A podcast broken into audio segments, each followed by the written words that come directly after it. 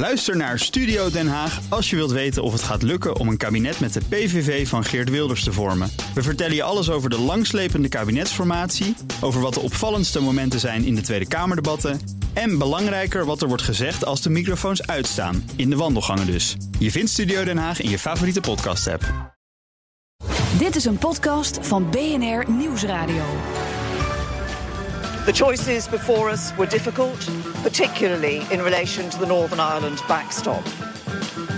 The, the, the British government has taken today, this evening, its responsibility. But the collective decision of Cabinet was that the government should agree the draft withdrawal agreement. I, I have a, a silly walk and I'd like to obtain a government grant to help me develop it. Lijkt nu een belangrijke stap onderweg. Maar ik kan echt nog niet voorspellen of het hiermee gedaan is. The Brexit Secretary Dominic Raab has resigned. This is uh, seismic news. With government backing, I could make it very silly. If nothing extraordinary happens, we will hold a European Council meeting.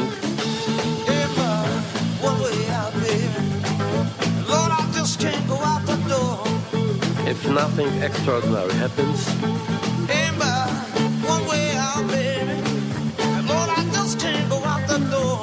And am I going to see this through? Yes. Welkom bij deze extra editie van Boekenstein en de Wijk over onze favoriete geopolitieke sitcom, de Brexit. Op zoek naar de nieuwe wereldorde met Arend-Jan Boekenstein en Rob de Wijk. Speciale gast voor deze speciale podcast is onze eigen Europa-verslaggever Jesse Pinster. Jesse. Hey Hugo. Hoe is uh, het humeur in uh, vazalstaat Engeland, onze nieuwe Europese kolonie vandaag? Nou, er zijn nog geen ministers uh, verdwenen volgens mij. Dus dat, het is een, een, hele rustige dag. Het is een hele rustige dag. ik, ik, heb hier meer van hoor. het is een rustige dag. Premier May heeft haar deal verdedigd tegen haar ministers in het parlement. Uh, hoe zit het met de backstop? ja, hoe gaan we dit eens even doornemen?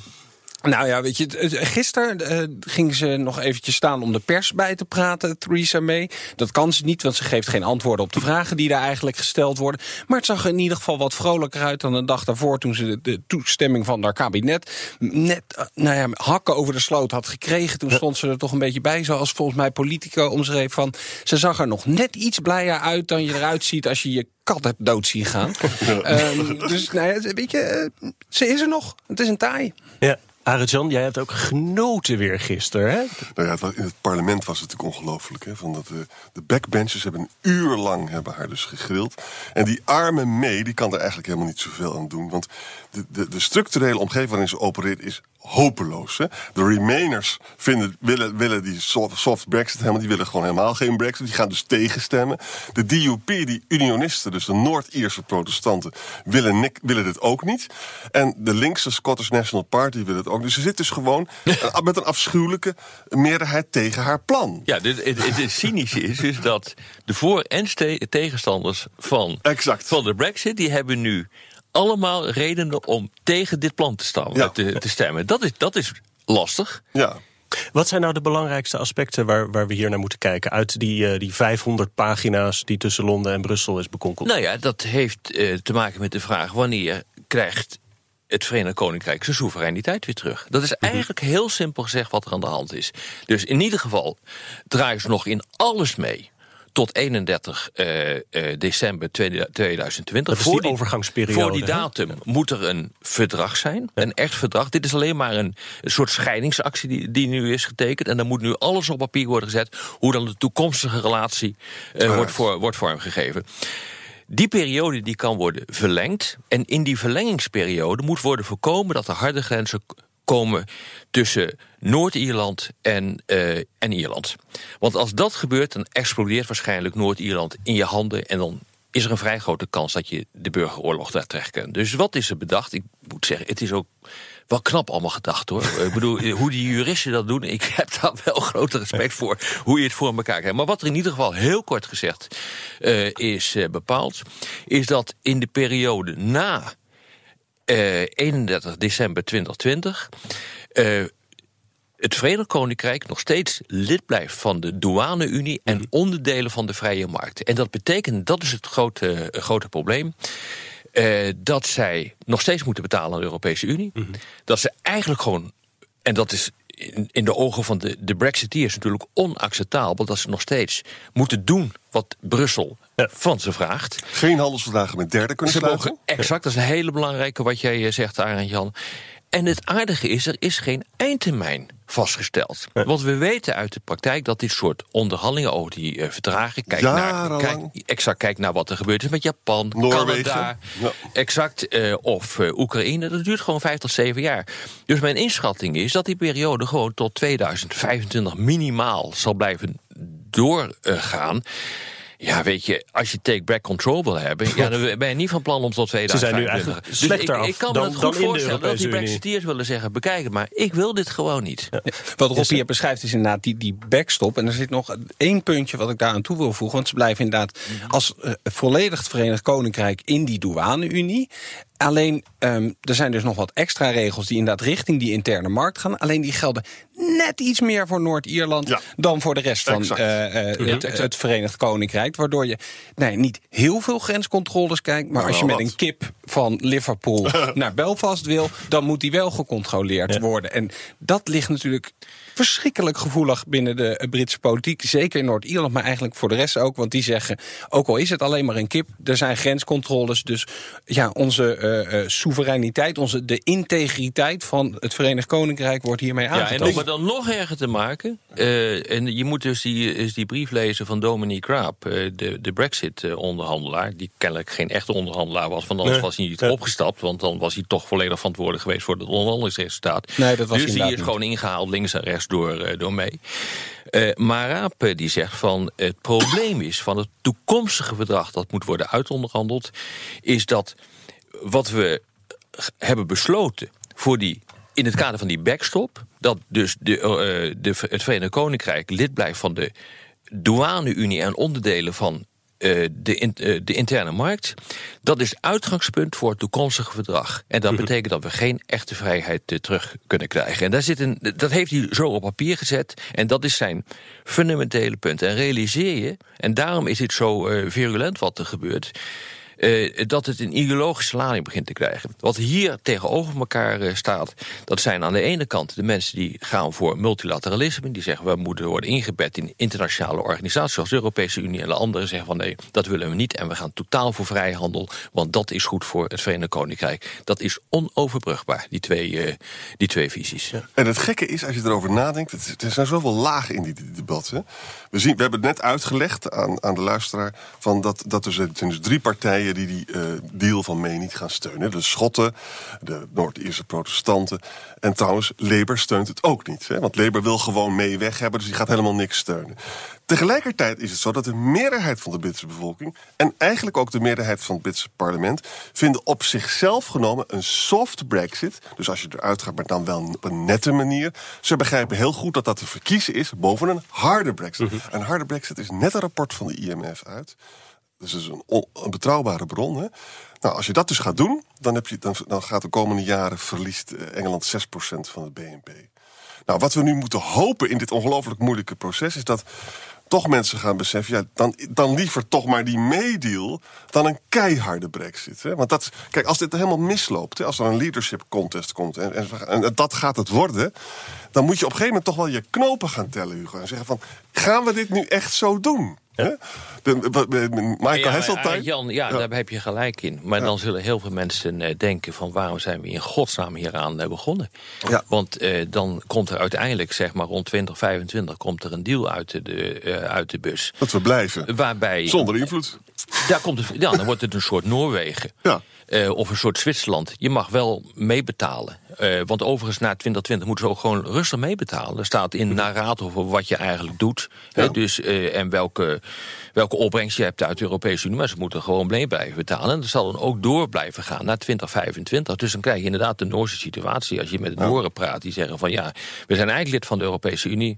En we moeten betalen, maar we hebben geen flikker te zeggen. Ja, Jesse, hoe gaat het nu procedureel verder? Dus voor volgende week is er een, eh, een, een top eh, in Brussel afgesproken. en want- wat gebeurt er dan ondertussen in Londen? dan blijft het, eh, het zagen aan die stoelpoten gaat waarschijnlijk voorlopig door. Maar ehm, eh, eerst nog niks. De, nou ja, goed, er gebeurt de hele tijd iets, maar er staat niks gepland. Je krijgt nadat de regeringsleiders daarmee akkoord gaan... en daar zitten ook nog wel wat haken en ogen aan. Dat moet dan volgende week zondagochtend gaan gebeuren in Brussel. Visserij. Dan, dan krijg je daarna nog eens dat het naar het Brits parlement moet gaan. Ook het Europees parlement. En dat eh, half december gaat dat denk ik. Maar kan er dan, er, kan, er is ook nog een mogelijkheid van een motie van wantrouwen tegen mee, hè?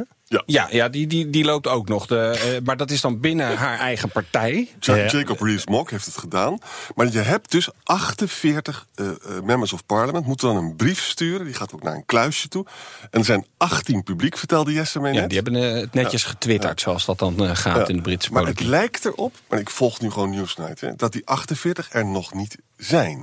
Dus er zou, je zou misschien kunnen voorspellen dat May dat gaat over, eh, win, overleven...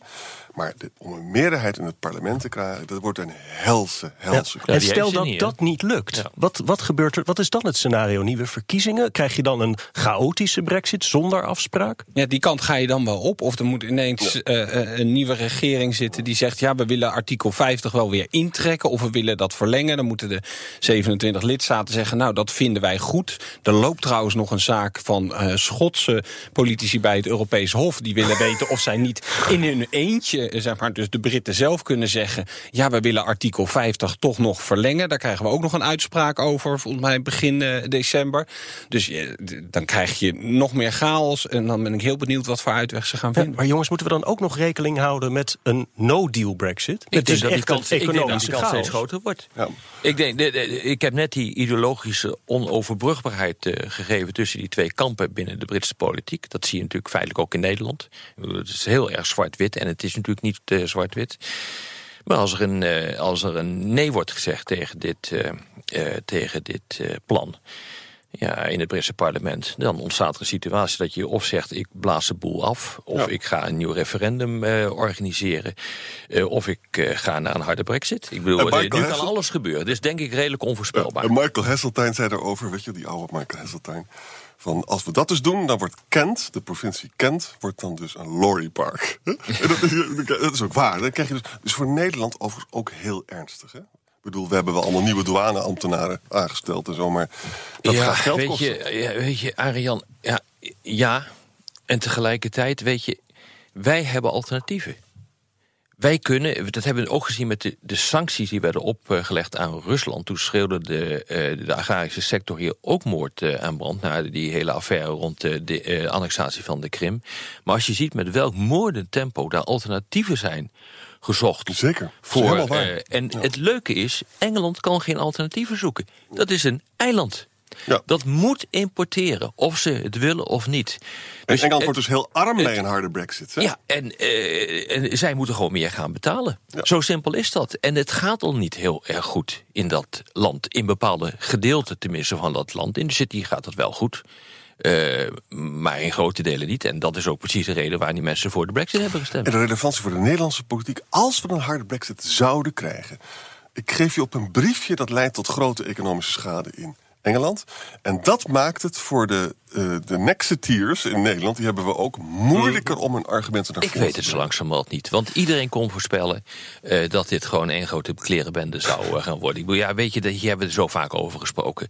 Het zou mij zeer verbazen als dit nou uiteindelijk gewoon helemaal goed uit zou pakken. Dat kan bijna niet. Maar is je dat dan niet de winst van dit geheel? Dat we eigenlijk de heren Wilders, de heren Baudet... Om- eigenlijk nooit meer horen over een Lexis. Nee, om, nee, omdat dat soort mensen zullen zeggen... ja, maar dat is verkeerd uitgevoerd. Als wij het gaan doen, gaan we het goed uitvoeren. Dat is gewoon wat populisten doen. Dat is een manier van redeneren, helaas. Maar we hebben dan wel meer argumenten om ze aan te pakken. Wat? Nou, ik denk dat, eh, dat de steun onder de bevolking exact. minder wordt. Exact. Eh, dus in die zin krijg je gelijk. Maar de argumenten van dat soort types... die zullen gewoon zeggen van... nou, gewoon verkeerd gaan, dat gaan wij veel beter. Dat kunnen Blinde wij veel beter. ideologie regeert. Wat een heerlijke puinhoop, jongens. Engeland, fantastisch land. Een blijvende inspiratie een voor Boekenstein en de Wijk. En daarom Rule Britannia.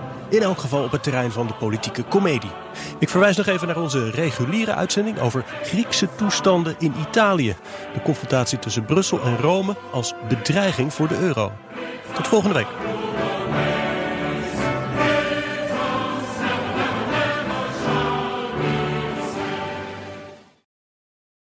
Ook Diana Matroos vind je in de BNR-app. Ja, inderdaad. Je kunt live naar mij luisteren tijdens de Big Five. Ook handig in de BNR-app. Breaking nieuwsmeldingen, maar ook het allerlaatste zakelijke nieuws. En je vindt in de app alle BNR-podcasts, waaronder Wetenschap Vandaag. Download nu de gratis BNR-app en blijf scherp.